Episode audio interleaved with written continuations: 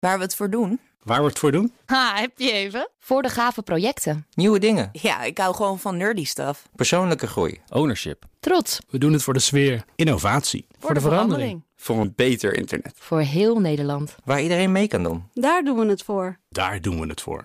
Waar doe jij het voor? Kom werken voor KPN en groei op jouw manier. Check de actuele vacatures op het gebied van data, security, development en networking op jobs.kpn.com/tech. Wetenschap vandaag. Dan gaan we vandaag eh, met wetenschapsredacteur Carlijn Meinders hebben over innovatieve dolfijnen en het tellen van zeehonden met kunstmatige intelligentie. Zeedieren en technologie. Wat een heerlijke combi toch weer, Carlijn. Ja, toch? Uh, laten we beginnen bij de dolfijnen en dan specifiek de Risso's-dolfijnen. Onderzoeker Fleur Visser van de UVA en het NIOS wist al dat deze soort in sommige gevallen niet gewoon duikt, zoals je zo vaak ziet, maar na een snelle sprint met een schroefbeweging de diepte ingaat.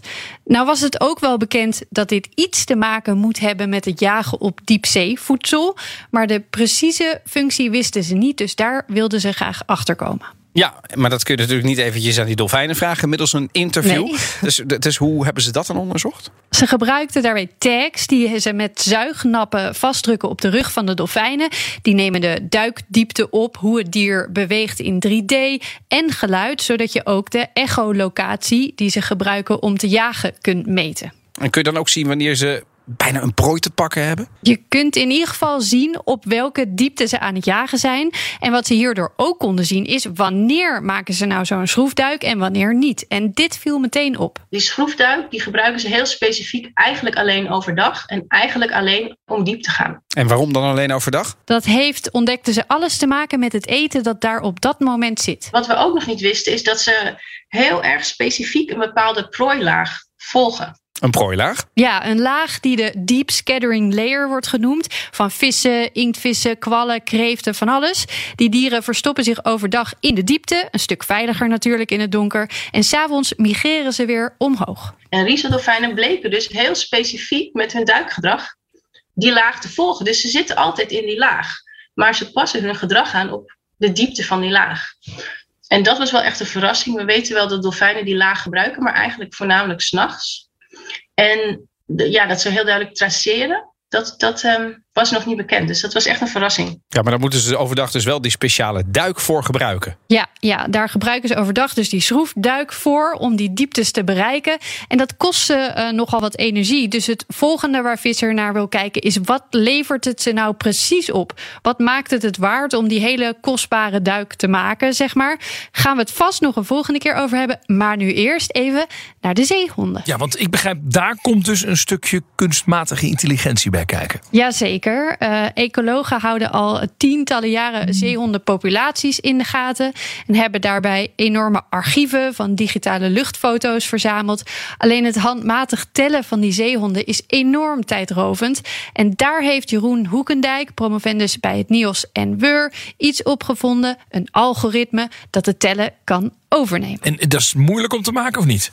Dat is best een uitdaging, maar dan heb je ook wat. Als je dan bijvoorbeeld 100 foto's hebt waarop je de objecten geteld wil hebben, dan gaat het voor ons netwerk, ons slimme netwerk, gaat het ongeveer minder dan één minuut. Terwijl voor een, uh, een expert gaat het in het geval van de zeehonden vaak over een uur of langer. Zo. Dus je hebt daar al een, een, een hele flinke tijdwinst. Ja, ik kan me dan voorstellen, Carlijn, dat je als wetenschapper wel weer iets beters te doen hebt dan. Ja, ja, zeker als het om honderden of zelfs duizenden beelden gaat, wat regelmatig het geval is. Uh, maar er is nog een reden waarom het sneller gaat. Die is best ingewikkeld, maar ik denk dat we dit wel kunnen uitleggen. Oh ja, ik, ik zet mijn schrap hoor. Ja. het zit hem in het trainen van het algoritme. Daarvoor gebruik je digitale beelden, die er al zijn. Dan kun je zeggen, we pakken zo'n beeld en we vertellen het programma. Dit stipje is zeehond 1. Dit stipje zeehond 2. Op die manier labelen kost een onderzoeker alleen enorm veel tijd nog voordat de training überhaupt begonnen is. Maar je kunt het ook anders doen. Dus wat wij in deze studie hebben gedaan is dat we niet elk zeehondje individueel markeren in die trainingsfoto's, maar dat we slechts een totaal aantal geven van het, van het aantal zeehonden dat zichtbaar is in de foto. Dus onze foto heeft één label en dat is bijvoorbeeld het getal 23, omdat er 23 zeehonden op de foto staan. Nou ja, het is nog even wachten tot zo'n captcha. Weet je, normaal gesproken moet je altijd van die verkeers, verkeersborden aangeven en nu zeehonden. Maar goed, um, dit, hiermee wordt het programma dus sneller getraind, begrijp ik, Carlijn. Dat ja, dat gaat ongeveer acht keer sneller op deze manier. En dat is dus alleen aan de voorkant al. Uh, in het geval van de zeehonden had het algoritme dan zo'n 800 beelden nodig om het uiteindelijk te leren. Dat is niet heel erg veel. En de nauwkeurigheid is ook heel hoog. Nou kun je dit algoritme ook gebruiken om andere dingen te tellen. Dat hebben ze ook getest door te kijken naar de groeiringen in gehoorstenen van vissen. Dat ziet er een beetje uit als de jaarringen van een boom. En daarbij zagen ze dat het algoritme het vergeleken met een mens even goed deed als een ander mens vergeleken met een mens, zeg maar. Ah ja. Uh, en kun je hier ieder soort beeld voor gebruiken? Nou, wat wel interessant is, ze willen bijvoorbeeld nog met satellietbeelden gaan werken. Dat is een stuk moeilijker voor dat programma. Maar dan zou je ook ineens kunnen gaan tellen op plekken waar je normaal gesproken helemaal geen beeld van hebt. Of waar je niet kan komen met een vliegtuigje om foto's te maken. En dat zou helemaal mooi zijn. De overtreffende trap. Dankjewel weer, Carlijn.